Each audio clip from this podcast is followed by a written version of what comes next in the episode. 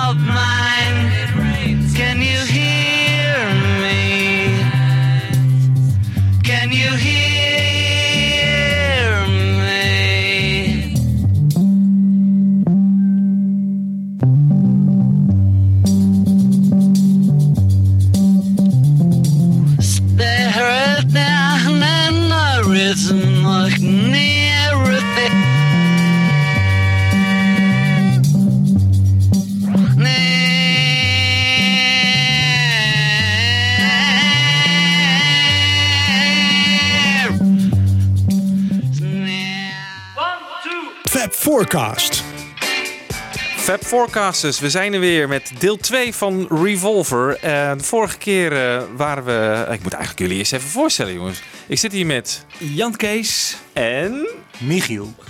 Michiel Tjepkema, de one and only. Ja. En wij gaan door met eh, deel 2 van Revolver. De vorige keer, de laatste track die we draaiden was Paperback Writer. Ja. En het volgende programma is Rain. ja. En Rain is eigenlijk eh, een nummer waarvan... Ja, wat heel bijzonder is. Ehm, eh, aan de ene kant omdat het eh, veel sneller is opgenomen... eh, dan het uiteindelijk is, eh, is Ja. uitgebracht. De echte andere kant op eigenlijk. Echt de andere Ja. kant op. Hè? Dus ze hebben een nummer, maar daar kom ik zo op terug. En Ringo ehm, heeft altijd gezegd dat hij dat misschien wel het nummer eh, vond waarop hij het beste drumde. Ja. Eh, laten we Ringo even aan het woord over, over Ray. I think the best I ever played. It must have been a strange day. I'd never seemed to be able to play that style again. Was on Rain. I love my drums on Rain. Wibo, jij bent drumdeskundige, maar, eh, nou ja, nee, nee, nee, maar zeg even, wat, wat, wat, waarom was, eh, speelde hij zo goed? Ja, heel veel van die fills eh, speelt hij. Hè? Gewoon dwars door het nummer heen. Op, op, op onverwachte momenten dat het qua maat normaal gesproken niet, eh, niet klopt. En dat in combinatie met eh Pauls basspel wordt het gewoon een grote, ja, eigenlijk een freakshow. Maar het, het klinkt zo gaaf. En de Er is hele... één moment waarop ze samenkomen. En dat is het meest bijzondere van het hele nummer, vind ik. Hè? Eh, dan is het, bas- is het even stil, Ja, wat helemaal stil. stil, ja. En dan is Ja. het wat doen, doen. Oh ja, Ja. ja, ja, Nou, dan, is het- dan is het ja. geweldige symbiose tussen die twee. Ja, Maar Rodriguez dacht ik dat, dat hij zegt dat, dat later dat nummer door Bas is ingespeeld door McCartney. En die wist dat Ringo daar dus even een stilte liet vallen. Ja. En dat hij daarop in heeft gespeeld. Ja, hè? dit is Dus, niet eh, tegelijk Het is ingespeeld. niet Ja, eh, ja. Nee. tegelijkertijd Ja, ja. ingespeeld. Ja, ja. Des te knapper, want zo klinkt het wel. knapper. Ja. Ja, dus hij vindt dit mooier ook nog dan A Day in the Life. Want dat is mijn Ja. persoonlijke favoriet van hem. Ja. Oké. Zo mooi, eh, subtiel gedrumd. Maar ja, Ja. dit is ook heel mooi hoor. Ja. Dus het is heftiger. Ja. Dus eh, volgend jaar juni, dan eh, zal ik voor jou een... eh, En, ah ja, een drum only. eh, drum only ja, van, oh ja, alsjeblieft, doe dat. Ja. dat is goed. Dat is goed. zeg maar die backing track, die moeten we even luisteren. Een, een, stuk eruit hoe die origineel klonk. Want die, die, die was dus veel sneller. Ik heb nog steeds niet in de gaten. wi- wilden ze het zo uitbrengen, maar kon het niet. want konden ze met de stemmen niet. Of hadden ze dit van tevoren in gedachten. En laten we het heel snel doen en dan langzamer weer doen. Nou, ehm, ik, ik, ik, ik kom er niet helemaal achter. Eh, wat ik wel weet, en dat is wel interessant. Ze hebben niet de, tape versneld, maar ze hebben het op normale tapesnelheid opgenomen. Maar heel snel. Toen, zijn ze, eh, toen heeft George Martin besloten om die tape naar beneden te brengen. eh 6% naar beneden te brengen. En dat dat ongeveer de eh, snelheid was waarmee het uitgebracht werd. Maar John wilde zijn vocals nog eens een keer nog lager inzingen. Dus nou, laten we eerst maar eens even luisteren naar hoe, hoe heeft dat nou origineel geklonken, die backing track. Thank you.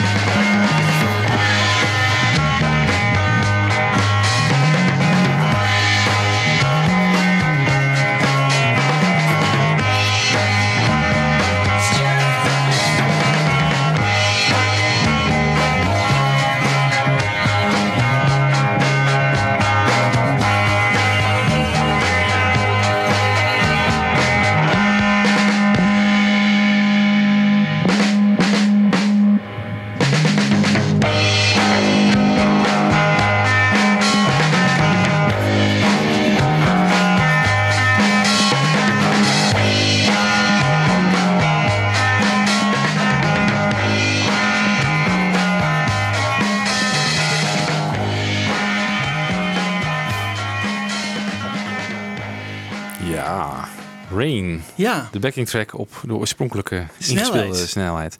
Ik denk dat de bas van McCartney... eh, ja nee, dit is een reconstructie. is Die is wel op het Ja, la- die- lagere die- die- tempo ingespeeld. Ja, Ja. Maar wat vind je? Ja. Want ik vind hem eigenlijk heel lekker klinken. Ik, Ja. Ja. ik zou bijna zeggen, waarom niet? Omdat ze denk ik toch bij Tomorrow Never Knows hadden gemerkt hoe, hoe bijzonder nummers kunnen klinken als je eh, net wat trager afdraait. Ja. Ja. En ze wilden gewoon weer iets bijzonders ermee doen. Ja. Maar ik ben wel met je Ja. eens hoor. Ik bedoel, het klinkt geweldig eigenlijk. eh, Ja, Als maar misschien performance. moet het wat meer een lazy feel krijgen Ja. achteraf gezien. Ja, En als je het sneller inspeelt, dan is zo'n lazy feel, als je het dan hè, met 6% omlaag gooit, dat is anders dan dat je het op die snelheid live inspeelt, denk ik. Ja. Ik dat denk dat er begrijp wel ik. iets dat, mee dat gebeurt. begrijp ik. Maar was het wel nodig? Ja, Wel als je ja. de Beatles in Als je de april Beatles- 1966 bent, dan moest het gewoon, er Ja. moest iets mee gebeuren. Dus, Maar eh, ik vraag me af of ze het van tevoren al eh, hadden besloten. Van Ja. we gaan het sneller inspelen en langzamer afspelen ja, ja, laten. volgens mij wel, toch? Ja? Dat is het hele idee geweest. Ik, ik, ik denk het bijna wel. Ik denk Ja? het bijna wel. Want dit, dit is wel heel snel. En dit, dit is, Maar had het ook zo gekund? Ik bedoel, als ze nu de vocals erbij. Ik bedoel, hadden we het dan. Ja, nou, ik ben toch weer het origineel gewend. Dan vind ik het toch moeilijk om te zeggen. Ja, ik, eh, ik denk dat zij het gewoon benaderen als weer, weer een experiment. Ja. Gewoon, we gaan Ja. iets sneller inspelen en dan alles Jawel. naar beneden Ook, halen. maar ook het refrein, hè? Het refrein heeft iets ook weer een beetje dronerig, zeg maar. Rain. Ik bedoel, het is Ja. eigenlijk één woord uitgesponnen. Het moet Ja. natuurlijk wel. Ja, maar dan gaat het ook, over, die- de, ja, ja. over Ja. de verveeldheid van regen en zo, weet je. Dat is Nee, ook een beetje loom. Dus ik denk dat ze dat... Ja, dat maar hadden ze het ook niet zo kunnen doen? Had gekund. Hebben ze niet gedaan. Ja, nee, ik zie ja. jullie toch enigszins twijfelen. Over het algemeen zijn jullie het wel eens met Ja. de beslissing van de Beatles. Maar ik zie jullie toch enigszins twijfelen. Nou, maar ik niet. Ik, ik ben Nee? er wel eh, mee eens dat ze het, dat ze eh, dat lagen. Ja, Ja, en ook vanwege het experiment. Oké. Ja. Misschien twee versies. Hè? Ja, gewoon een A- en B-kant. eh, ja. Ja, Net als met- Revolution. Met, met Revolution. Ja. Met Revolution, Ja. ja. ja. Ehm, eh, dan zien we ook die, die vocals backwards. Hè? Dat eh, is heel erg leuk. Daarin verschilt John en George Martin verschillen van mening. Hè? Wie dat nou precies heeft uitgevonden. Maar het is wel interessant om hen beide daar even over aan het woord te laten. Over die vocals die die dan op het eind...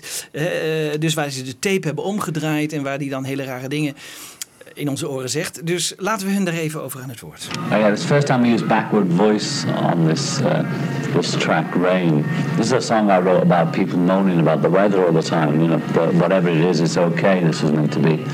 And I went home with it about three o'clock in the morning. In those days, we used to take a seven and a half inch cut of it, take it home, and by the next night, arrange what we're going to put on top of it. You know, whoever song it was was responsibility. I went home and I was out of my mind, stoned. We'd been working till five in the morning. I got home about six in the morning, stuck the tape on. I stuck it on backwards and played Rain. Came out backwards on the tape, and I had the earphones on. I was thinking, wow, it's fantastic, you know. So the next day I went in and said, look, let's uh, at the end of the song have the whole song again backwards, you know. So we didn't do that, but we just put my voice, laid my voice track and guitar track over the the, the last half minute backwards. You can hear it at the end. It sounds like I'm singing Indian or something. The, the Beatles were experimenting all the time, and they, one of the things about the Beatles was that they were intensely curious. They were always asking me for new ideas. They were always, always asking me for new instruments. What could they learn? What techniques could I teach them about studio work? Um, and I mean, for example, the very first time I ever twisted a voice backwards was on Rain. and it wasn't a tremendously significant song, except it was very much a John song, very evocative and a little bit unworldly. And I'd done this while they were out having supper. I'd, I'd t- lifted off one of a fragment from, of John's voice and turned it back to front. And I had this vague idea it would work, and slid it around on the end of the piece until it fitted, and it did. It was pretty good. And when they came back, I played it to them. And John, I've never seen him so excited. He thought it was the most fantastic thing ever. He'd never heard it. He said, What, what is it? What is it? I said, It's you, John. It's you, you backwards.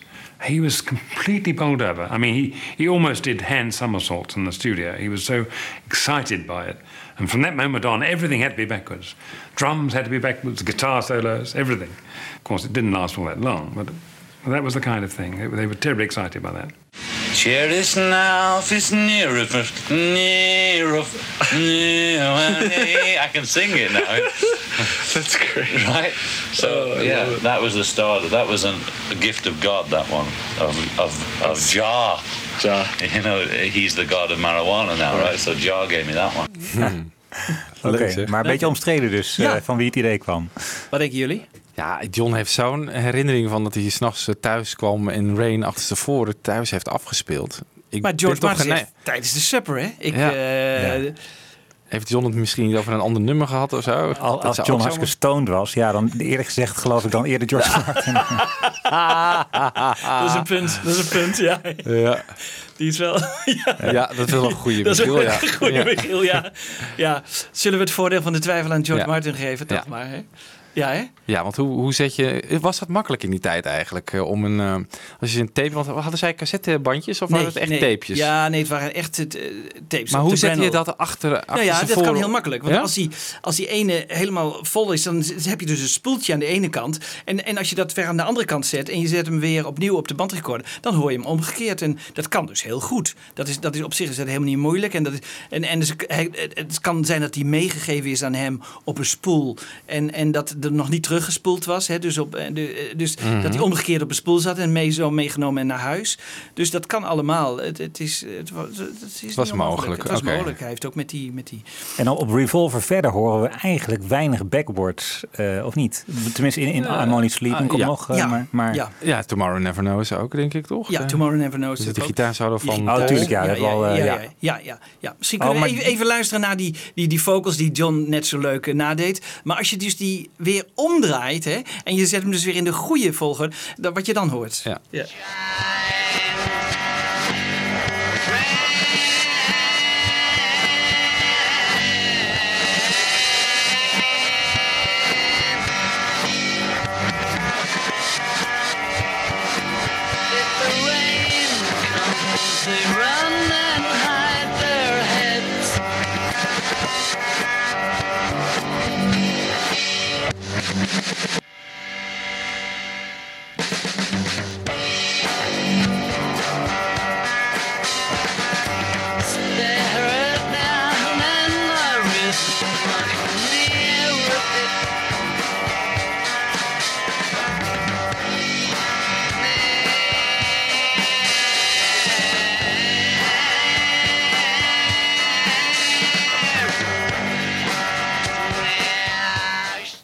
Ja.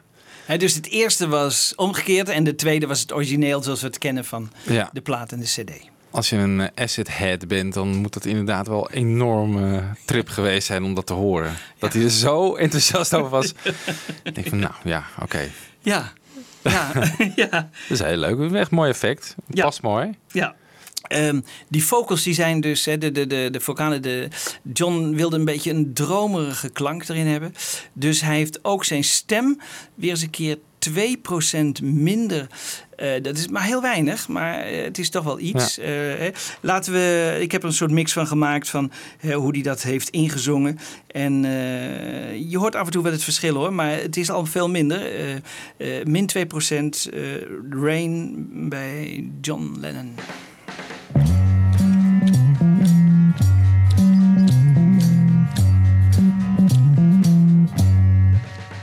If the rain comes, they run and hide their heads. They might as well be dead. If the rain comes, if the rain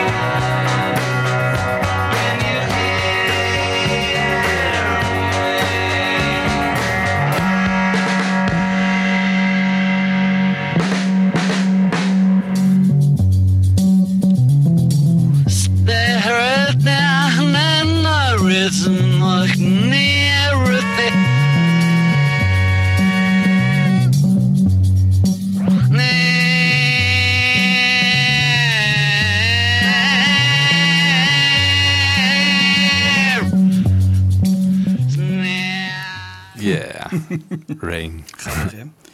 Hey, was het al van tevoren bekend dat dit een single zou worden? Of eh, had dit ook nog op Revolver kunnen komen? Dit, Nee, eh, meestal wisten ze toch wel ongeveer van dit worden de singles. Tenminste, dat heb ik altijd wel begrepen. Hè?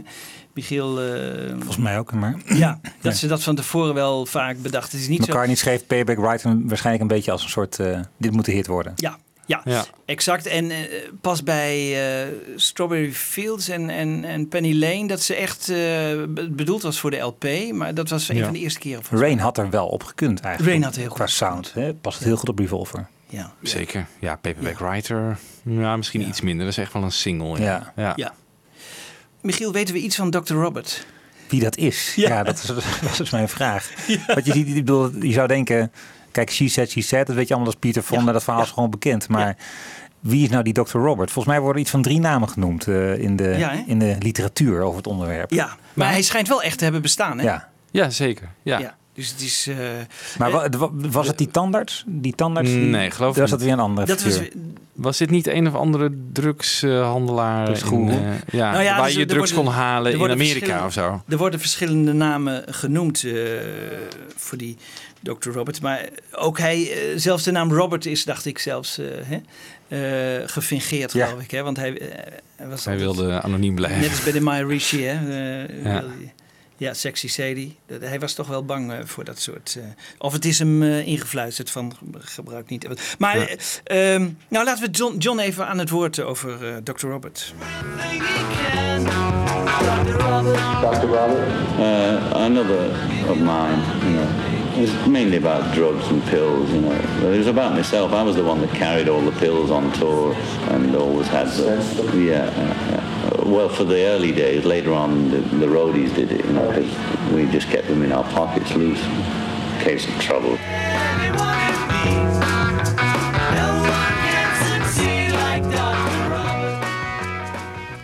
Misschien gaat het wel over hemzelf dan. Als hij de, het zou de natuurlijk ook pill carrier was. We hoeven natuurlijk ook niet ieder nummer eh, te kunnen verklaren. Ik bedoel, er, er- zal ook heel veel, eh, ook wel eens eh, heel veel fantasie bij eh, aan te pas Ja. komen. Eh, Michiel zit nog even. Ja, wat, ik, ik heb hier het boek van Rodriguez en die noemt een paar namen. Dus Robert Fraser, dat was die Londense kunsthandelaar, Ja. wel, eh, Ja. die ook met de, de Sgt. Pepper cover had geholpen. Ja.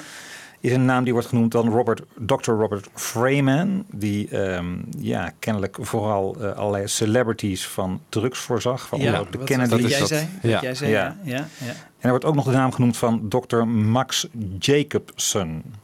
Oh. Ehm, Wie die- was dat? Ja, dat was eigenlijk ook, ook net zo'n figuur als Robert Freeman, die Freeman, die kennelijk allerlei eh, met dus inderdaad celebrities eh, ehm, Van allerlei pillen Ja, van, van, ja, precies. Dus kennelijk Oh, ja. eh, zo'n zo'n zo'n soort Ja, figuur. Dus het zou een combinatie kunnen zijn. Ja, ja. ja. Nou ja, ik heb, ik heb een, eh, een aardige versie over eh, van Dr. Robert, van het nummer. eh, met de stem, de bas, de arpeggio. eh, zeg je arpeggio-gitaar? Arpeggio, ja. Arpeggio-gitaar. Ja. En het harmonium. Ehm, laten we even luisteren naar Dr. Robert.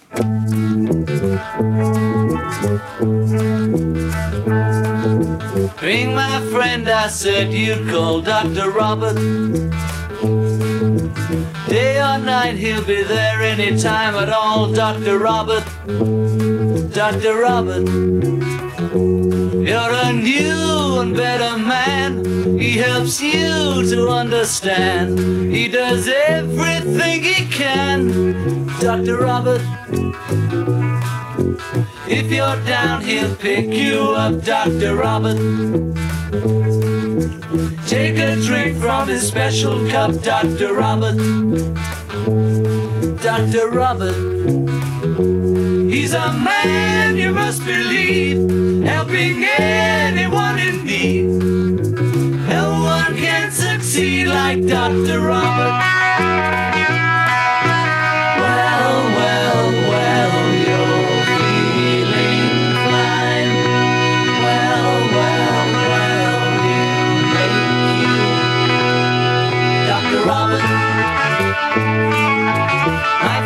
Works for the National Health, Dr. Robert.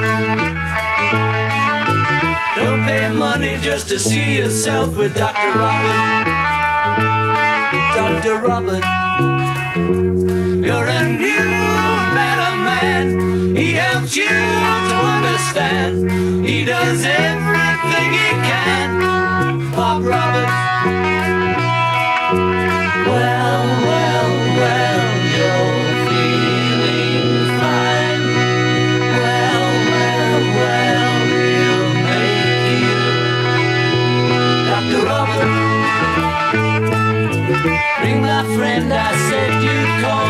Dr. Robert.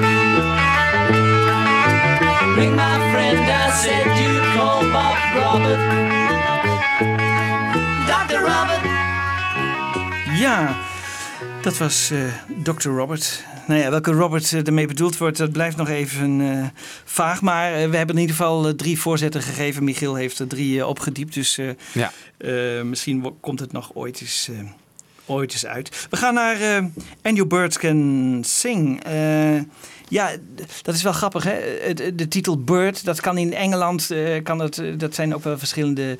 eh, Meisje toch? Of gewoon... eh Chickie. ja, chickie. ja, een Chickie, beetje, ja, ja. een beetje, ja. Heel goed, Ja, ja. het is, is inderdaad. ja, er, er, wordt- wel eh, gedacht, ja, daar kan eh, misschien Marion Faithful mee bedoeld zijn. eh, eh, de, de, de, de- nou ja, nee, fijn, de- ook weer aardig om even daar Rodriguez op na te slaan. Want die Ja.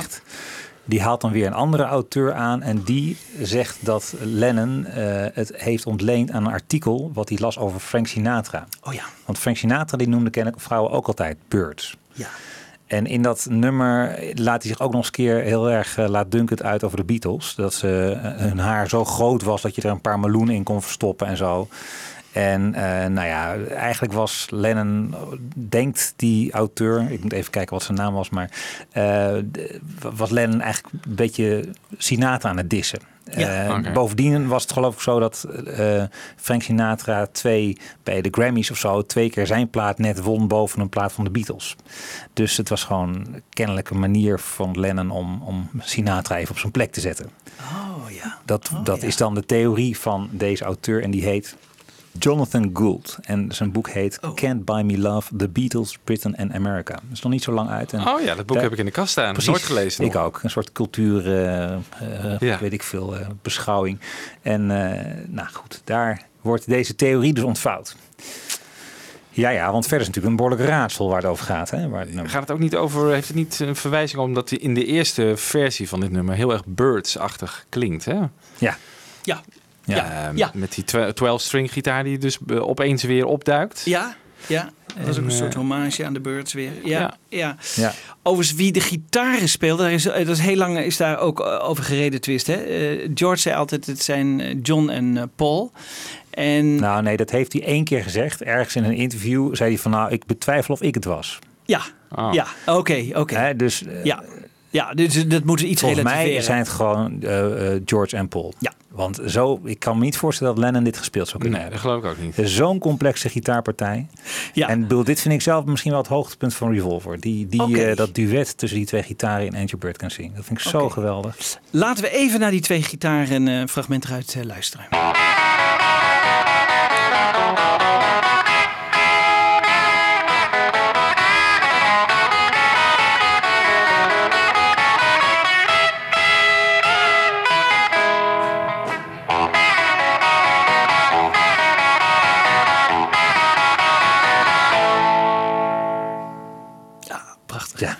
Ja, je hebt helemaal gelijk. Het zit zo ingenieus in elkaar. Ja, ja. Maar dit, dit is ook volgens mij urenlang oefenen en, en, en weer door en nog een keer. Want dat heb je niet even... Het is een ingewikkelde riff. Heel ingewikkeld, ja. Ja. ja. daar weten we dus weinig over. Hè. Dat, dat verbaast mij altijd. Die oefen, wanneer oefenden die Beatles dit? Want die studiotijd was duur. In die tijd weet ik niet of ze dat allemaal in de studio deden. Of dat ze dat daarbuiten. Ja. Dat Paul naar George toe ging en dan gewoon... Ja, ik denk het wel hoor, in de studio. Zeker omdat we hier een eerdere versie van kennen. Die gewoon, waarin die riff nog niet zat. Maar ik, ik, ik, ik denk dat Michiel gelijk heeft. Hè. Dat ze daar echt heel lang hebben geoefend. Maar hoe kan het dan zijn dat... George de jaren later dat niet meer weet. Nee, dat is wel ja. raar. Ja. ja. we weten wel kan. dat de, de geheugen van George hem vaak in die steek liet. Hè. Ja. Maar toch... Dat blijf... kan, ja. Weet je, als je zoveel opneemt... Ja, Maar dit is, dit is ja, maar Wibo, dit is toch Een wel... heel bijzonder moment. Want het is een gitaarduel, of hoe noem je Ja, dat? Een, ja, een duet ja, eigenlijk. ja. Dat hadden ze nog nooit eerder gedaan. Hadden ze nog nooit en eerder dat ken ik verder ook bijna niet. Nee. Ik bedoel, het gebeurt bijna nooit. En Nee, nee. ja. Ehm, overigens, eh, John die speelde uh, ritmegitaar en eh, dat deed hij ook met verven. Laten we even een stukje luisteren. One, two, three, four.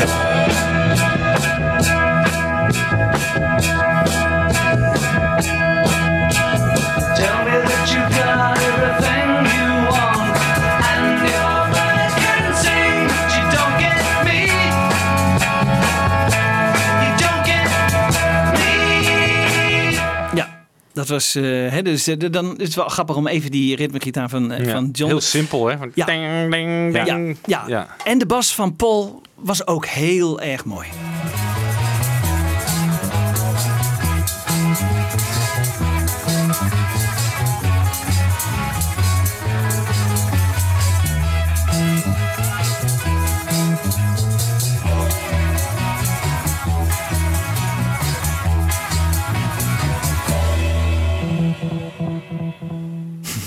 Tiding, tiding. Ja, leuk hè? Ik Ja. vind het is gewoon wel heel mooi gemixt. Want je had die bas misschien ook veel meer naar voren kunnen halen. En dan gaat dat weer concurreren met die gitaren. Maar ik vind het heel goed dat die gitaren, die zitten zo in your face eigenlijk. Eh, zijn ook wel ehm, eh, muzikanten geweest die in die, eh, die Mojo van een jaar of tien geleden. Die zeggen van eigenlijk eh, is daar iemand, eh, daar worden dan de 100 beste nummers aller tijden van de Beatles op een rij gezet door allerlei bekende muzikanten. En dan zegt ook iemand van ja, eigenlijk is met And Your Bird Can Sing de hele powerpop begonnen. Dus dus wat, wat Big Star dan weer vijf jaar later gaat doen en zo. En eh, Ja. zo knisperend, knetterend, eh, lekker fris gitaargeluid, zo hard. En, eh, Maar jij zegt, het is goed gemixt. dat vind ik wel, ja. Is dat nou George Martin nog? Of zijn dat de Beatles zelf die dan al zoveel invloed hebben op Of die Jeff mix? Emmerich. Of Jeff Emmerich op de Ja. mixage, ja. Ja, ik denk, ik denk dat hij wel... Oh, Jeff Emmerich, die kunnen we inderdaad. Dat is interessant. Die, die, hè? Wat denk ja. jij, Wibo? Ja, Jeff Emmerich was natuurlijk gewoon een technicus, hè? Of gewoon, was de technicus van de plaat. Ik denk dat eh, achter het mixboard... Of die als zo'n groentje al wel zoveel zeggenschap daarin had. Of dat de Beatles juist zeiden van... nou kom jij maar met je nieuwe ideeën. Met jonge, frisse oren. Ja. Dat zou Ja. kunnen. Ja. Ik Ja. denk dat de Beatles hier inmiddels ook al wel eh, flink eh, achter de knoppen zaten, hoor.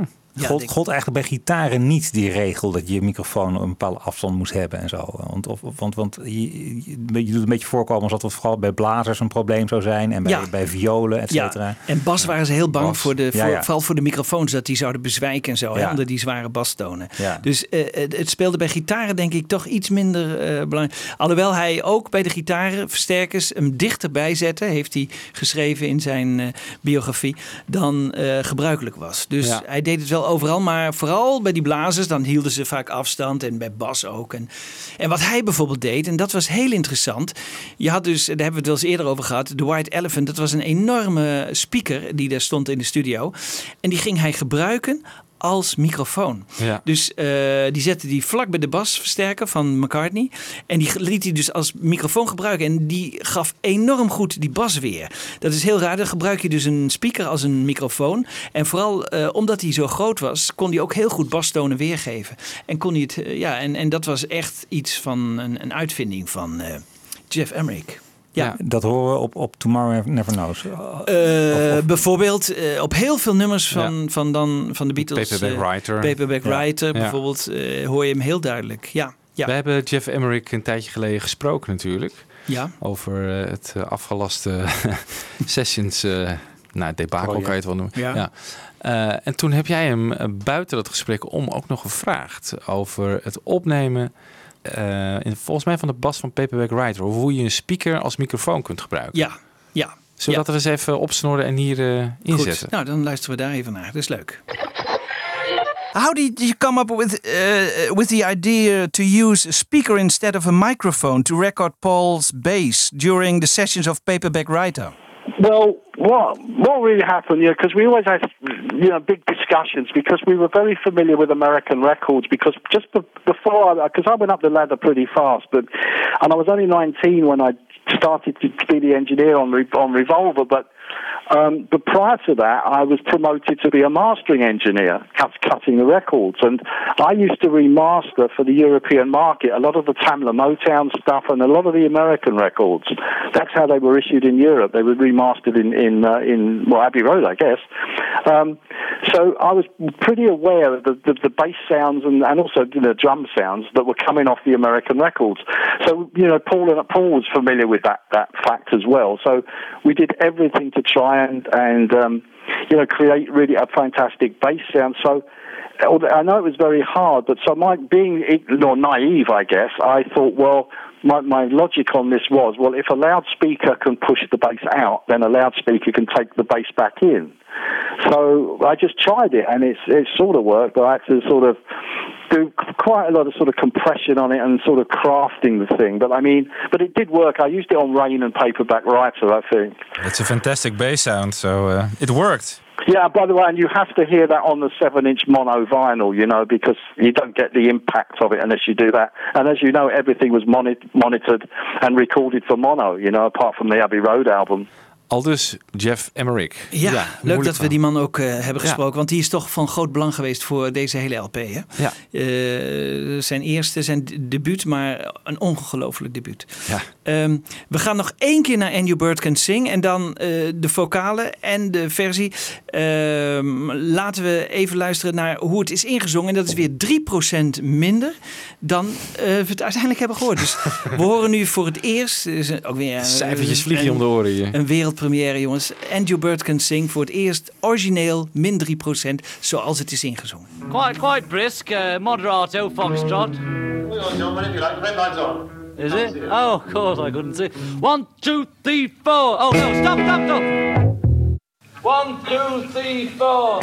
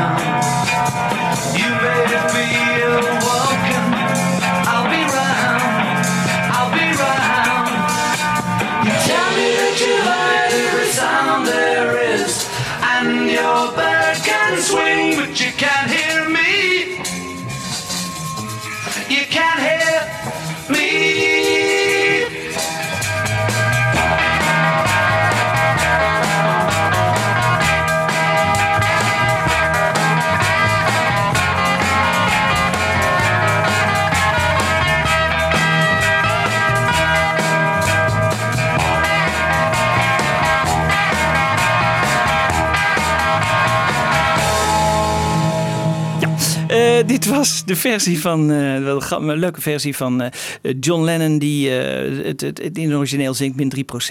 Um, even bij jullie beiden horen. hoe... Gaat goed tot nu toe, hè? Met de opnames. Ja. Nee, nee ik, maar ik vind eigenlijk echt dat, ja. dat Apple en zo, die moet gewoon van elk van die CD's van de Beatles dit soort dingen ja. gaan uitbrengen goed gemixt. Net, net zo mooi als jij dat kan. Dat ik zo niks, bedoel, niks te nee, nadenken nee, nee, jou, nee, maar, dan hebben ze het in officieel. Ja. ja. ja. officieel. Zie je niet gewoon ja. echt uh, een interview CD erbij en zo. En dan heb je echt een mooi compleet beeld. Ja. Want er liggen zoveel mooie dingen. Ja. Ik bedoel, die, die tape loops bijvoorbeeld. Waanzinnig interessant om dat achter elkaar te horen. Ja. Hoe die tape in Tomorrow Never Knows precies klinken. Ja, geïsoleerd. Dat hè? Dat is waar. En, en al dat soort dingen. Uh, de vocalen net wat sneller, net wat langzamer. Ik bedoel, schitterend. Echt schitterend. Ja, En, en, ehm, Wat missen we eigenlijk, Jan Kees? Als je, je, hebt, je hebt dus kennelijk vijf werkdagen hier nu Ja, gebogen over een setlist voor deze shows. Maar Ja, ja. Wat, wat, wat, wat missen we? Wat hebben, wat, hebben- wat hebben we niet? Nou, kijk, kijk, kijk er zijn natuurlijk. eh, ik, ik zou best eens eh, wat meer outtakes eh, willen horen. Hè? En, en, want sommige nummers vind ik echt. eh, die, die, eh, ja, Love You Too bijvoorbeeld. Die, die komen er toch wat. die George Harrison, die komt er eigenlijk toch wat bekaaid af. En ik vind eigenlijk dat ik daar wel eens wat meer over zou willen, van willen horen. Hè, Love You Too, hoe, hoe heeft dat in elkaar gezeten? Dus dus dat, dat, Ja. soort dingen zou ik heel graag willen horen. En ik, ik denk overigens dat er al wel heel veel is. Maar bijvoorbeeld Paperback Writer, de eerste takes en zo. Bedoel, meer dingen dat, dat er ook wel eens wat misgaat en zo. En, dat, dat, dat, Ja. dat, en daar Ja. zijn ze bang voor om dat uit te brengen. Maar ik vind dat vaak, dat zijn gewoon leuke dingen. Je hoort vaak hoe een nummer zich heeft ontwikkeld. En eh, zoals wij dat nu hebben gedaan met Tomorrow Never Knows. Hè, eh, langzaam de- die opbouw, hè, dat, je, dat je er iets meer van begrijpt. En dat, dat mis ik wel een beetje bij, eh, bij, bij, bij Apple. Die hebben daar helemaal geen belangstelling voor. Nee. En ja, ze komen eigenlijk alleen met het, het bekende werk uit. En Mieke, dat, op een dat breed vind- publiek. Hè, dit is natuurlijk voor Ja. fans waar ook heel veel... eh, ook dat. Ja, Maar ja, Anthology was toch ook wel voor een breed publiek. En daar hebben ze toch ook leuke dingen wel mee gedaan. Zeker, er staat leuk materiaal op. Ja, waarom zouden ze niet gewoon een label beginnen, weet je, zoals met, eh, met Elvis bijvoorbeeld. Die heeft zijn eigen eh, Follow That Dream Records of zo. En daar komt Ja. bijna, ja, om de twee, drie maanden komt daar een cd van uit. Ja. Met allemaal met een onbekend live optreden of weer studio outtakes. Niet, niet in de gewone winkel te krijgen, alleen online. Ja, Dat mikt niet op een groot publiek. En toch eh, voorzie je daar een hele hoop mensen mee van een hele hoop plezier. Ik denk, als ze het willen doen, moeten ze het nu doen. Want eh, het, Ja. aantal Beatle-fans neemt natuurlijk af. En, en eh, ik denk dat die nu nog bereid zijn echt na 50 jaar nog best geld daarvoor uit te geven. Als het maar bijzonder is en als het maar anders is. En ja, dus ik, ja, ze missen het gewoon. En nu met de 50ste verjaardag van Revolver hadden ze toch wel iets kunnen doen. ja. Hè? Helemaal niets. Dan brengen ze iets uit eh, over de live-opname. Allemaal heel erg leuk en, en prachtig. Maar eh, ja, zo'n Revolver-album, album, dat, dat leent zich nu heel goed. Rubber Soul was eigenlijk hetzelfde. Ja, dat- ze hebben met nog niks dat gedaan. Hè? Ooit ja, Sgt. Pepper in de jaren 80 Ja, toen. maar Sgt. Pepper in de jaren 20 years 80. ago t- today. Ja, Ja. ja, ja, en dat is jammer. En dat Love is Me echt Do, maar dat is eigenlijk de enige.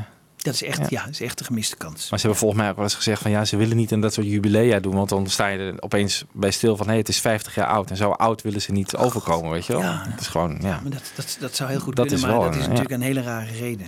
Ja. Ja. Ja, net als Paul McCartney Nee. die wilde geen aandacht aan eh, hè, toen hij 64 werd. Want het, eh, ja. Maar ja, weet je, dit, dit, dit, wil- het, gebeurt toch. Hè? En, en het, het staat toch in de bladen en het staat Ja. overal. Dus je houdt dat niet tegen door het, door het niet te doen.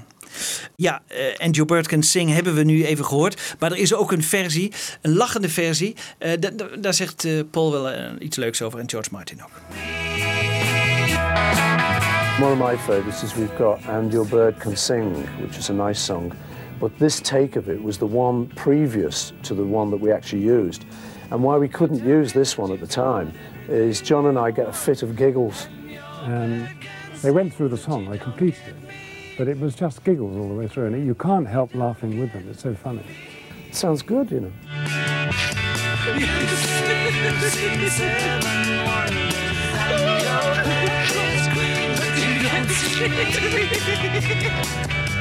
You can't see Ja. Trouwens, even daarover, want we hadden het net over Frank Sinatra. En eh, eh, die, die inspiratie voor dit nummer zou zijn. Een van de andere argumenten die die Jonathan Gould noemt, bedenk ik net, is dat ze hier ook lachen om, als een van beiden zingt, And Your Bird Can Swing.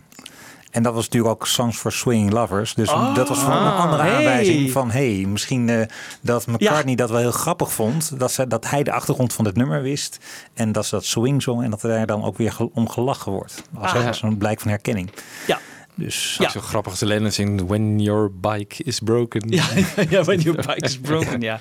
ja. En sommigen zeggen wel, het was onder invloed van drugs ook dat ze zo zaten te... Ja, dat zou ongetwijfeld. Ja. Ja, maar heel veel Beatle-fans zeggen die take 2 hè, met dat lachen was eigenlijk beter dan de take 10 die uiteindelijk is uit, opgenomen.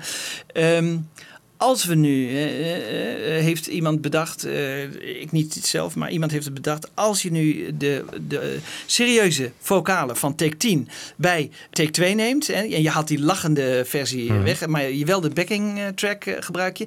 hoe gaat het dan klinken? Nou, laten we even luisteren.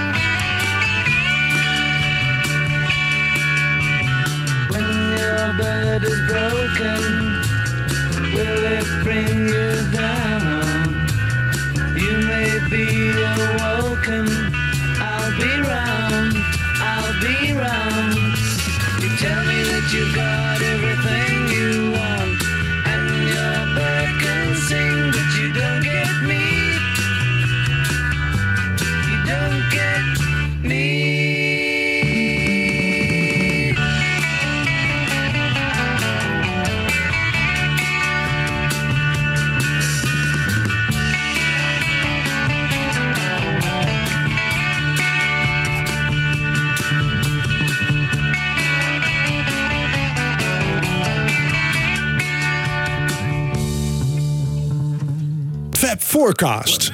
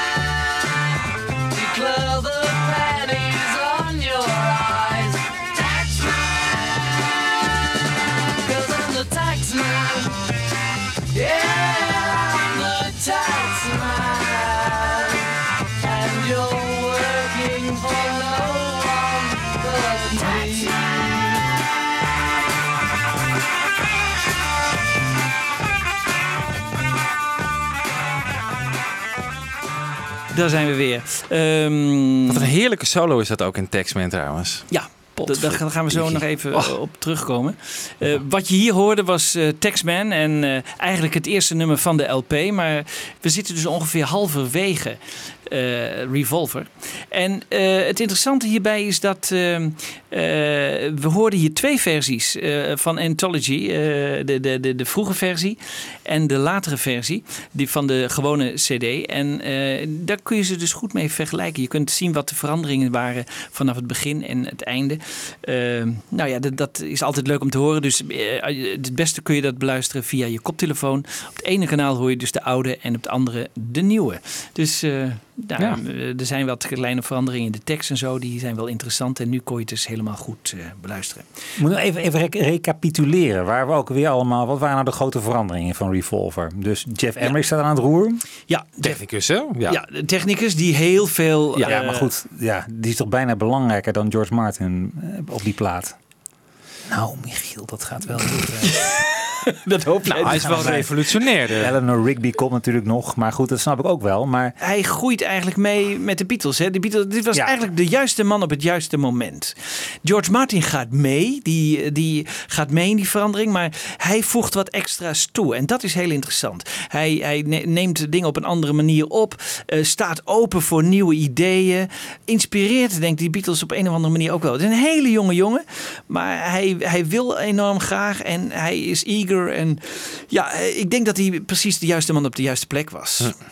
En ook heel erg verbonden met de Beatles. Hij heeft zich ook heel erg aangetrokken als er later ruzies ontstaan en zo. Dus dat soort dingen vindt hij dan ook heel erg. En, en eh, ik denk eh, dat dat een hele belangrijke factor is. Een tweede belangrijke factor is de grote verandering in eh, nieuwe songs. Totaal anders. Kijk, George Harrison zei wel eens: eh, het zijn broers en zussen, Rubber Soul en Revolver.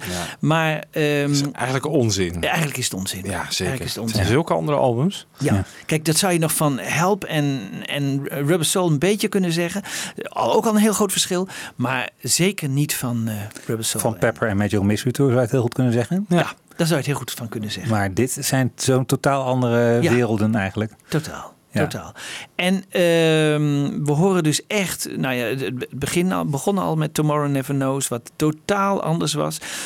Paperback Writer ook toch weer een andere manier van opnemen. En dan eh, Love You Too van, van, eh, van George, echt heel anders. Dat hadden we nog niet gezien. Hè. Eh, De studio wordt nu echt als instrument gebruikt ook, hè? Voor het eerst. wordt echt Hey, en toch krijg je ook Ja. de indruk, als je over, we hadden het over Paperback Writer de vorige aflevering en over Rain en die revolutionaire opnametechnieken, dus de bas klinkt veel harder. En toch krijg je ook de indruk van, het is een paar nummertjes en daarna valt het ook wel weer mee. Daarna gaan ze toch weer naar hun traditionele, wat, wat minder uitgesproken harde basgeluid bijvoorbeeld. Hè? Ja. Zo hard als in Rain en Payback Writer hoor je, hoor je het daarna ook niet meer. Nee, er zijn een aantal dingen die proberen ze gewoon uit. Ja. En eh, dat is ook bijvoorbeeld met die, met die snelheid. Hè, de, de, de verandering in snelheid. Bijvoorbeeld Rain is, was dus een goed voorbeeld. Nemen ze een nummer heel snel op. En dan laten ze het weer heel ver terugdraaien met de bandrecorder. En dan, eh, dan, dan klinkt hij dus een stuk trager en langzamer. En dan neemt hij de, de, de, de vocalen nog een keer nog langzamer op. En dan kijken ze wat dat voor effect heeft.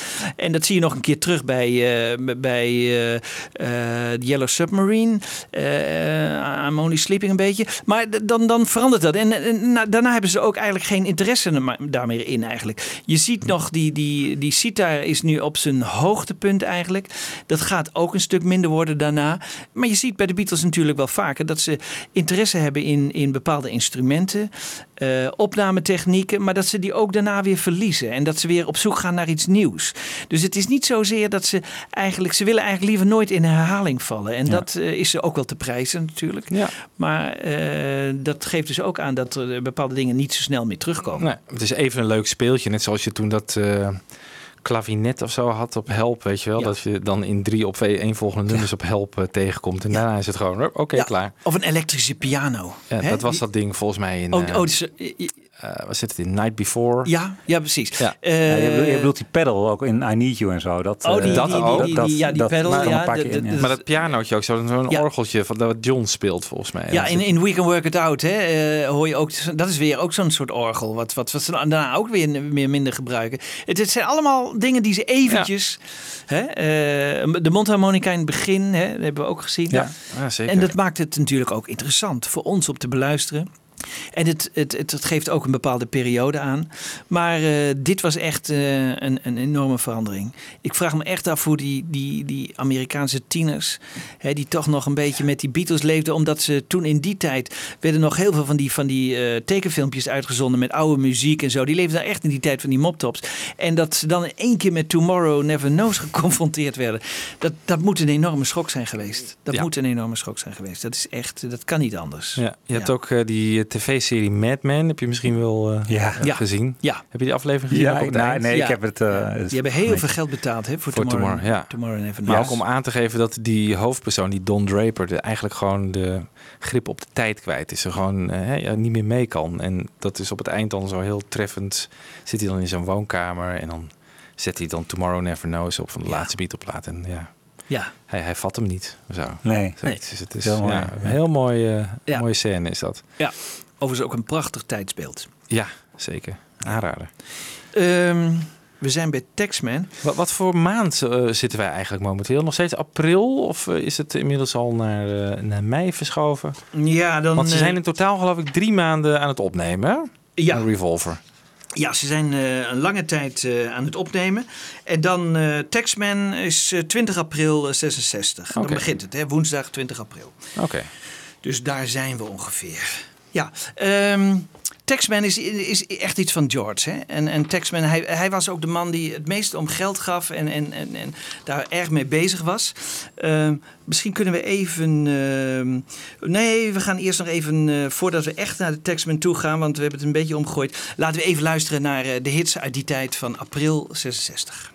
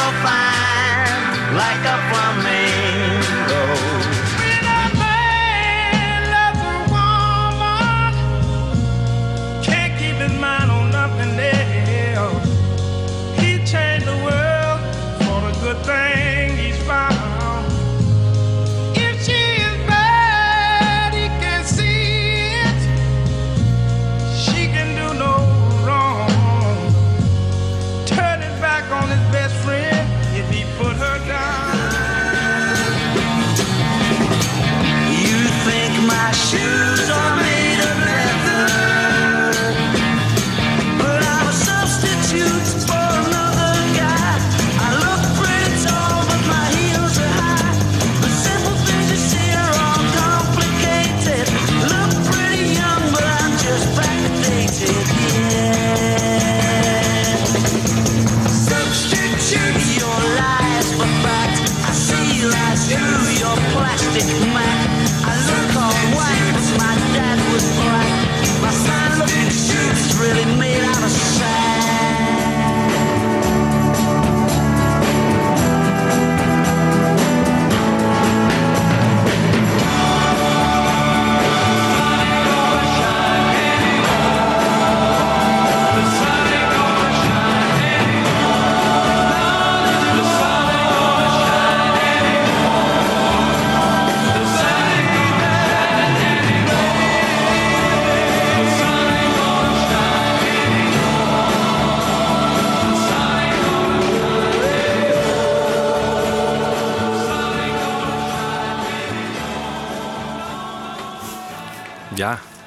Ja. Ja, ze allemaal, hè? Ja, leuk hè? Ja. Ja, leuk. Uit die, eh, uit die jaren. Dit waren allemaal artiesten die eh, betaalden waarschijnlijk allemaal heel veel belasting in Engeland. Eh, Althans, als zo, zover ze Engels waren. Want ja, we komen eigenlijk terug op Taxman. Laten we George even praten over... laten we hem even vertellen over eh, de problemen die hij had met, eh, met het betalen van belasting. Britain, in a way, you know, it cuts its own throat. Just uh, from my experience of Britain, it's uh, you know it's on every level. You know, from your tax right down into every little speck of business.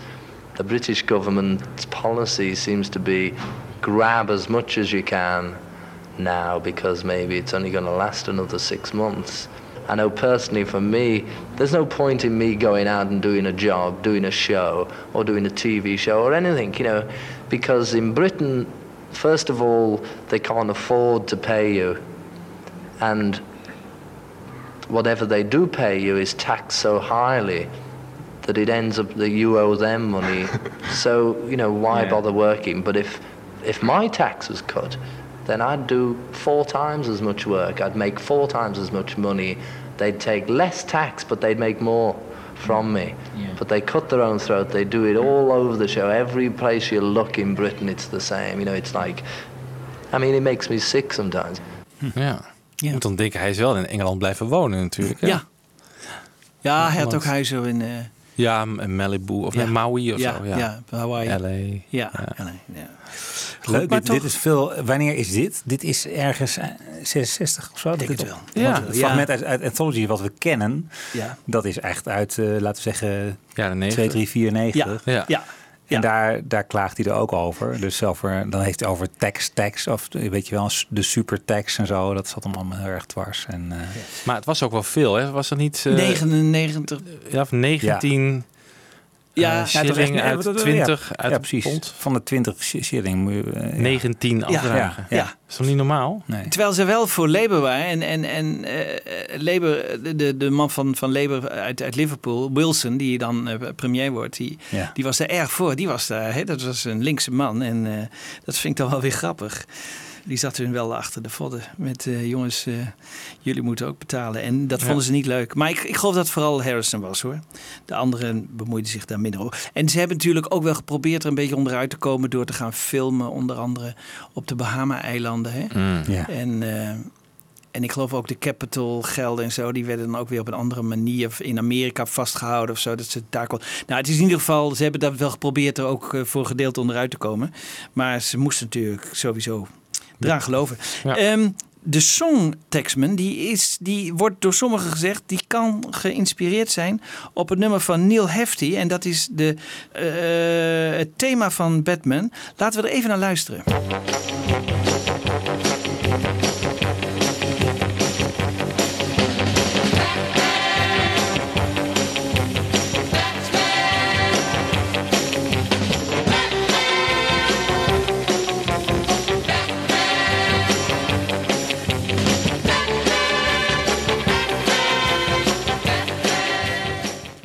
Taxman. Ik hoor het niet, behalve de titel dan. Taxman. Ja, het, is, het zit in dezelfde... Ja, het heeft iets... Ja, ja. Taxman. Hmm, nou, ja. Ik had de associatie nog niet gehad voordat ik Rodriguez. Rodriguez las. Ja. Maar goed, inderdaad, als je het dan hoort. Hij twijfelt er ook weer aan, hè? want het was geloof ik als singeltje uit, Ja, maar het- de het- serie het kon, eh, bestond nog niet. In, eh, Nee, maar hij had het als single kunnen horen. Dus eh, ja, ik we geloof- geven. Nou ja, het is vaker Ja. met George gebeurd, hè? Dus eh, Zeker. En met John En met ook. John- John ja. ook. Ja. ja, dus eh, helemaal onmogelijk moeten we het niet achter. Maar goed, een beetje jatten mag. Zeker. Dat mag ook hoor. Als je het daarna mooier maakt. Ja. Hey, even over Ja. Taxman en de tekst, want eh, het schijnt ook dat Lennon een beetje heeft geholpen met de tekst. Ja, en ik geloof dat eh, Lennon hem dat heel kwalijk nam toen hij die, met, die, met die biografie, eh, althans zijn boek uitkwam, I'm in Mine, Ja. dat hij daar niks over heeft gezegd. hè, Geen dat credit, Lennon, nee. Geen enkele credit. Nee, maar wat Lennon, dat, die quote die ik daarvan ken, is dat hij zei van nou, ik wist dat George een beetje zat te worstelen met die tekst, dat hij er niet helemaal uitkwam. Dat George op dat moment dacht, ik kan niet naar Paul gaan, want Paul die is niet bereid mij te helpen. Dus laat ik dan maar, I bit my tongue of zo, zoiets zegt hij. Laat ik dan even gewoon, g- nou ja, mijn bezwaren opzij zetten. Ja. Ik ben nu al jarenlang met Paul aan het schrijven en nu ga ik even eh, George helpen. En dan Ja. brengt dat ene zinnetje van eh, dat, de slotzin eigenlijk, van declare the penny on your eyes. Ja, ja. Hè, my advice to ho- those who die. Dat schijnt Lennon dan gebracht te hebben aan het nummer. Ja, en dat is dan interessant, hè? Dat hij, dat, ik wist dus niet dat het hem zoveel moeite kostte om dat, hè, om die schroom te overwinnen. Nee, maar ik bedoel, als je Ja. dus hebt over het verwijt dat Lennon dan aan George Harrison brengt als hij niet in dat boek staat, denk ik van ja, het is nou niet zo dat je met open armen hem altijd eh al, eh, al- Nee, maar eh, als dat nummer dan te sprake komt, dan had hij daar iets over kunnen Ja. zeggen. Ja. Hè? Klopt. Ja. Nee. Maar hij eh, dacht dus bij Paul van, eh, gaat niet naar Paul Ook vragen. raar, hè? Oh, Ja. Raar, want als iemand toch Ja. bereid was om altijd mee te denken. Ja. om, Zeker zeg maar, bij Harrison Ja, want- songs. Lennon wilde nooit zelfs niet meespelen op die nummers Nee. van Nee. Harrison. Nee. Nee. Dit ging ook om een tekstdingetje. Misschien dat hij dacht, als het om teksten gaat, kan ik beter naar bij John zijn of zo. Ik weet Ja. niet, maar... eh, Ja. Was ook zo. ja. Ja. Ja. Nou, laten we even luisteren hoe die dat zingt. Eh, tenminste, ja, niet die laatste zin, maar eh, laten we even een stukje vocals horen van Taxman. One, two, three, four. One, two. Let me tell you how it will be. There's one for you, 19 for me. Cause I'm the tax man. Yeah, I'm the tax man. Should 5% appear too small? Be thankful I don't take it all. Cause I'm the tax man. Yeah, I'm the tax man. Wiebo, misschien zou je nog even het begin willen laten horen van dit fragment. Ja hoor. Dat is wel, eh Wiebo zit hier achter de knoppen. Die, Die Wiebo, die doet het altijd. is dat geweldig? Ja. Komt ie hoor. Ja. One, two, three, four. One, two. Wie Ja. zegt hier one, two, three? Het klinkt als George. Ja, klinkt als George. Ja, want Rodriguez zegt nou waarschijnlijk Paul. Nee. Nee. Het is, wel, het is wel Paul McCartney die ook dat soort dingen doet. Hè? We weten dat, weet je nog, eh, eh, hij heeft ook op latere solo-LP's, ook aan het begin van nummers, eh, weet je dat hij in zichzelf mompelt en zo. Hè? Het is wel des Pauls, het zou kunnen toch? Nou ja, en Ja. het is natuurlijk een beetje een terugblik naar I Saw Her Standing There. Ja. Doet hij het ook, hè? One, two, three, Ja, ja dat is waar. Klopt, dus dat is een... eh, En waarom denken jullie, eh, ja, omdat het hem gewoon is. Het klinkt als George. Ja. nou ja, one, dat is een. Kunnen we nog één keer heel kort? Alleen maar... One, two, three, four. One, two. Volgens mij is het gewoon George hoor. Hij zegt veel Beatle-mensen geloven dat het eh, George is die die snelle doet, hè, dus eh, die we al horen. En dat Paul dan de, de real one with the other reverse. Ja, en anderen zeggen weer omgekeerd. Maar Ja. dat lijkt me omgekeerd lijkt me zeker niet. Hè. Het is niet zo dat Paul de, de snelle doet eh, bij de. Kijk, als je niet dit soort fabeltjes de wereld in helpt, dan krijg je ook zo'n boek niet vol. Dus ik denk dat dat gewoon op een gegeven moment... Dat is een goede. Ja. Ja, Goed, George dus. Ja. Het is gewoon George. oké. Laten we even eh, Paul McCartney aan het woord over eh, Taxman. Taxman was very George because George, at any of the meetings, we'd have business meetings then, you know, and, and these accountants and solicitors and all these people would be explaining to us how things worked. And we were very naive, as you can see by any of our business deals. And George would be saying, Well, I don't want to pay tax, say. And they would say, No, you've got to, like everyone. And the more you make, the more they take. And George would go, Well, that's not very fair. And, you know, they say, Look, when you're dead, you're going to pay taxes. And I remember that. What? You can't even, you know, now death duties, what? And so, you know, he came up with that great thing, they tax the pennies on your eyes, you know, which was George's rightful indignation at the whole idea of having got here, made all this money, and it was about to be, half of it was about to be removed. Ja. Maar nu we het toch over Paul hebben, hè, eh, dan komt een interessante eh, gitaarsolo van Paul. En daar bestaan nog wel verschillende meningen over. Hè? Er zijn berichten die zeggen van eh, George heeft heel vaak geprobeerd de solo zo te spelen zoals Paul dat eigenlijk graag wilde. En het lukte hem niet. En toen heeft Paul de gitaar gepakt en eh, het gespeeld zoals hij het speelde. Eh anderen zeggen weer, en waaronder George zelf, die zegt van nee, Paul kon het zo goed en hij deed het als, als, als op een Indiase manier en, en Ja. geweldig en fantastisch en ik ben er heel blij mee. Ja, hebben jullie een mening daarover? Wat, eh, Ja. het, is het niet vreemd dat... Volgens mij is het vooral die Jeff Emmerich die het beeld een beetje heeft gecreëerd in zijn boek. Wat ik een heel mooi boek vind hoor, maar hier, there and everywhere. Maar hij schrijft echt van, op alle fronten was het altijd behelpen met George, zegt hij eigenlijk. Ja. dus al- alle solo's moesten altijd over en eh, de nummers gingen niet vanzelf. Hij kwam niet met goede titels. Het was eindeloos eh, repeteren, repeteren. En bij McCartney kwam alles aanwaaien. Dus dat, dat, dat, dat contrast heeft hij in dat boek heel sterk uit, zeg maar, neergezet. En dat betrekt hij dan ook op die solo. Dan zegt hij eigenlijk van, nou, eh, het, was, het, het lukte hem maar niet. Het was zijn eigen nummer notabene. En op een gegeven moment heeft George Martin dan gezegd, laat Paul het doen. Dat is het beeld wat Jeff Emmerich neerzet. Ja. En anderen zeggen weer van, nou, ja, ze waren gewoon een beetje aan het, met het nummer aan het experimenteren. En op een gegeven moment kwam Paul met die solo. En eh, nou, heerlijk, waarom niet? Ja. Maar wel als in een soort goede sfeer of zo. En zonder dat het Ja. heel negatief moet worden uitgelegd naar George toe. En dan is, dan is Martin zelfs zo blij met die solo dat hij hem aan het eind geloof ik nog een keertje Herhaalt. zette. Exacte kopie, geloof ik. Hè? Ja. Van, Ja, eh, ja. Kijk, Ja. is- het is natuurlijk een geweldige solo. Ja. Ja. Het is echt ja, Ja. Maar het zal toch ook de ja. eer te na zijn geweest van, van George. George. Ja. Op zijn eigen nummer. Ja, dat is natuurlijk wel een... Ik denk dat hij zich wel een beetje ja, gedegradeerd heeft gevoeld of zo. Van, eh, de- ook als George Martin heeft gezegd, laat Paul het maar doen. Dan zegt van, nou, de schoolmeester zegt van, eh, Ja. oh, ik Ja. ben niet goed genoeg. Ja. Ja. Maar je hoort het toch ook vaak op vroege opnames van de Beatles. Later wordt het veel beter. Op Abbey Road speel is hij veel meer volwassen als gitarist. Maar daarvoor, ja, ook die live optredens, die solos zijn vaak heel erg crummy hoor. Ja. Ja. Dus ja. Dus dan heeft Jeff Emmerich toch misschien voor een Nou, gedeelte in ieder gelijk. geval, ja, dat het... Hij had toch regressietherapie eh, gehad om eh, zich dingen te kunnen herinneren, die Jeff Emmerich. Ja. Ja, dus of het allemaal waar is. Vond je het echt een heel goed boek? Ja, ik heb het boek wel met plezier gelezen. Ik heb het ook met plezier gelezen, maar ik wist het niet van de regressietherapie toen ik het las. Maar ik vond het wel echt eh, een mooi boek toen, ja. Ja, maar dat Blackbird en zo op het Nee, dak dat is... dat, ja. er er staat Nee, dat ook is pure onzin. onzin in, Dat is toch? onzin, Ja. ja.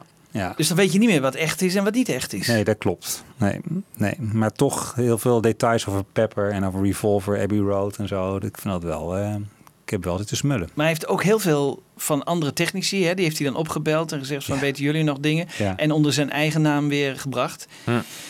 Dat, eh, Niet zo dat- netjes van Jeff. Nee, Nee. nee, nee. Maar die solo, die staat klaar, jongens. Ja, laten we even luisteren Toch? naar die solo. Laten we even luisteren in. naar die solo.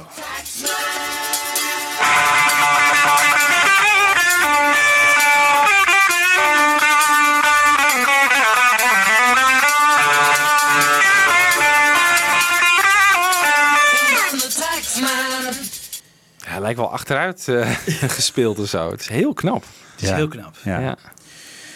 Tot zover eh Taxman. Eh, ja, ook een, toch weer een bijzonder nummer. En, en eigenlijk toch leuk dat George dat als eerste nummer op de... Ja. En drie nummers op de plaat ook. En drie nummers. Ja. Ja. Heel bijzonder. Ik weet niet wie toen nog de, de line-up bepaalde.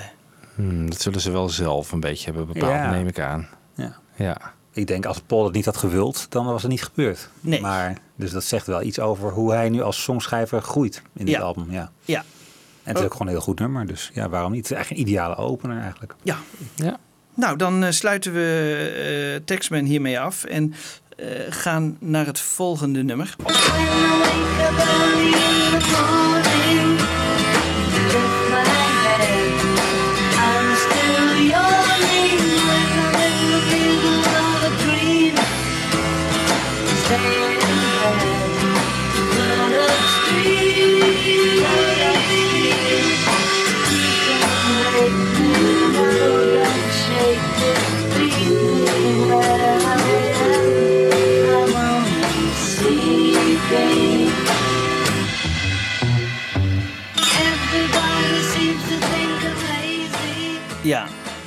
I'm Only Sleeping zijn we bij beland. En dit was een snelle versie zoals ze hem oorspronkelijk hebben ingespeeld. Hè? Dus zo klonk die. Daar gaan ze Eerst. dus nog even mee door. Daar gaan ze eerst nog even mee door. Dus dit is, eh, hè, eh, dat vind ik wel leuk. En, en daarom heb ik hem weer even op de originele snelheid eh, gezet. Laten we even luisteren wat eh, John en Paul over eh, I'm Only Sleeping weten te vertellen. That's me, dreaming my life away. Only sleeping is all backwards guitars too. One day, uh, Tape Op got a tape on backwards. He went to play it, and it. Bloody hell, sounds Indian. Kan Paul goed, hè? Gewoon achteruit gitaren. Net als John dat eh, stukje Rain kon. Ja. ja, het zijn wel performers. En dat is Ja. wel heel erg leuk. Ook in die interviews. Ja. Dat kunnen ze vaak heel goed. Heel erg leuk. Ehm, de, in- op de Anthology staat een, een vroege versie van eh, het nummer I'm Only Sleeping. Ja. En daar horen we met een soort xylofoon-achtig Ja. geluid. Laten we nog even luisteren hoe dat ook alweer klonk.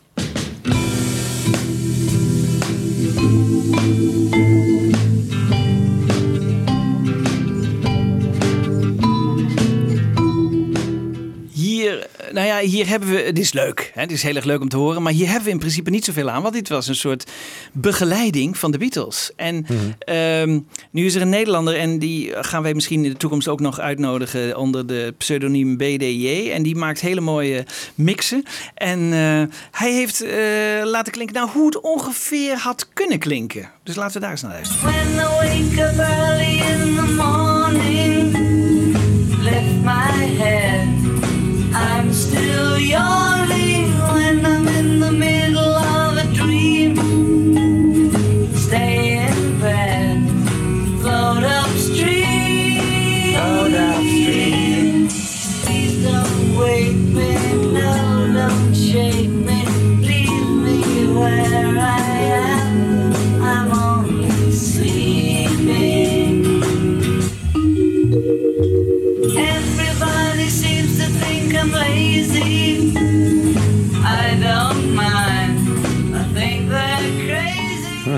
Ja, leuk gedaan. Ja, maar dan, dan zegt het wat meer eigenlijk. Hè? Ja.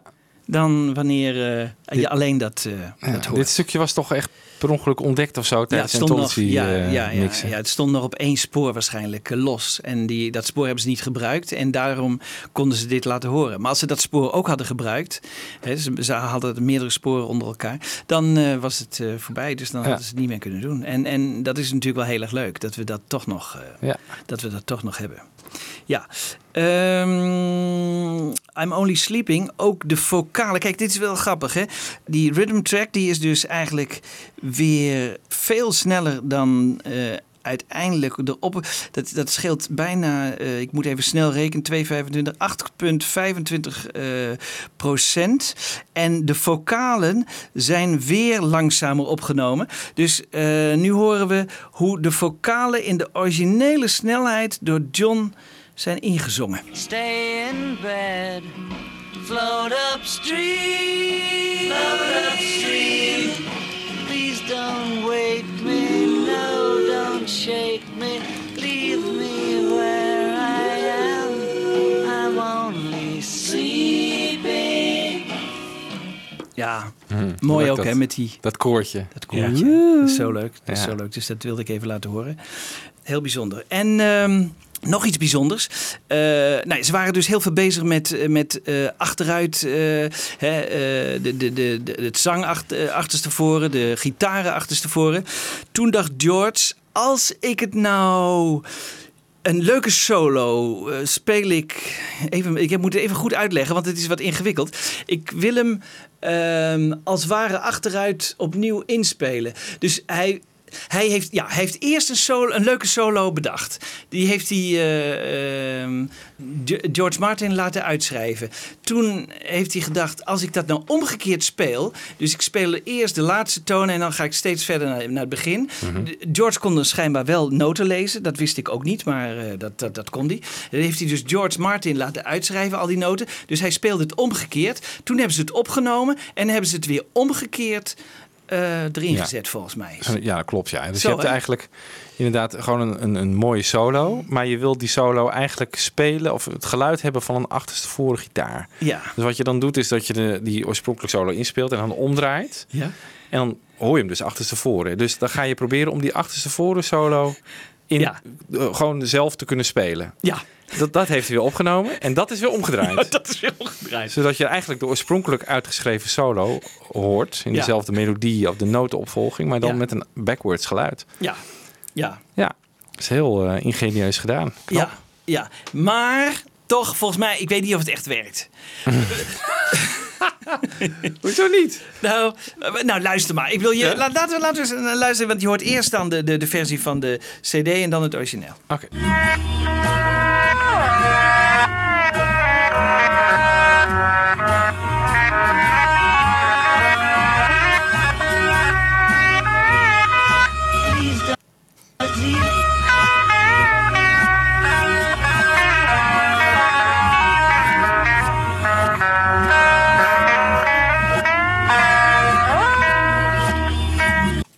Wel twee gitaren door elkaar heen. Ja, gek hè? Ja. Gek, maar ik weet niet of het experiment nou echt... eh, Wat vind Dit jij? is de achterste voren eh, solo die weer eh, eh, ja, op, op zijn kop is gezet, zeg maar. Precies, ja. Maar dat klinkt niet als een eh, normaal ingespeelde solo. Nee. Dat zou Nee. het moeten klinken. Nee. Ja, het is gek hè. Maar ik, vind, ik, ik weet niet of dit... Ze hebben het ook nooit herhaald, het experiment. En het was leuk, het was leuk bedacht. Maar of het nou echt werkt, weet ik niet. eh. Nou, ik vind het wel opvallend, want dat lees je in alle Beatle-boeken dat het zo eh, gegaan Ja. is. Maar dan eh, heeft nooit iemand de moeite genomen om dat even te checken. Gewoon het ding om te draaien en dan te horen van... hé, hey, maar dit is gewoon helemaal geen gitaarsolo. Die, hier zit, volgens mij zitten er twee gitaren op elkaar. Ja. En Ja. eentje is ook nog achterstevoren, volgens mij. Dus het, het is echt, het is, een, het is een rommeltje eigenlijk. ja. Ja. Maar uit- in het uiteindelijke nummer past het natuurlijk perfect. Ja. Daar gaat het om. Ja, ja, ja. ja, ja. Het is alweer het einde van de show, eh, Jan Kees. Ja. We hebben nog één eh, staan. Ja. I'm Only Sleeping. Weer een, eh, een prachtige mix tussen John die dat inzingt en wat hij hoort op zijn koptelefoon. Dus allemaal 3% minder zoals hij dat heeft ingezongen. En daarmee sluiten we eigenlijk af dit hele bijzondere nummer. Ehm, ik dank jullie weer voor de medewerking. En eh, we, we zien uit naar deel 3, hè, want dan gaan we de laatste deel doen van, eh, van Revolver. En eh, tot de volgende keer. En dit wordt I'm Only Sleeping. When I wake up early in the morning, lift my head. I'm still yawning when I'm in the middle of a dream. Stay in bed, float upstream. Float upstream. Please don't wake me, no, don't shake me. Leave me where I am. I'm only sleeping. Everybody seems to think I'm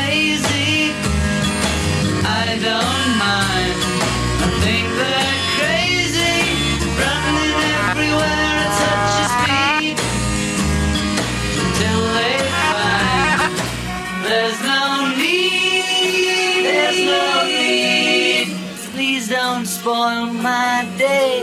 I'm miles away, and after all, I'm only.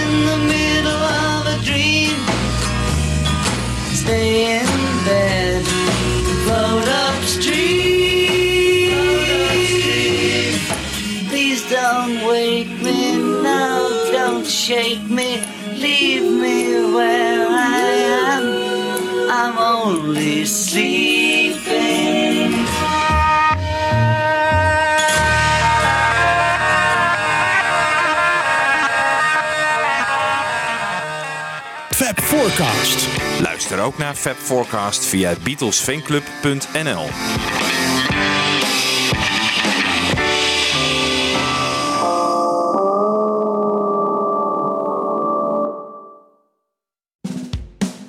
Dit was een podcast van Avro Tros. Wij maken tientallen podcasts per week. Van klassiek tot pop, van actueel tot archief, van reguliere radioshows tot speciaal voor podcast gemaakte programma's. Kijk voor meer podcasts op avrotros.nl.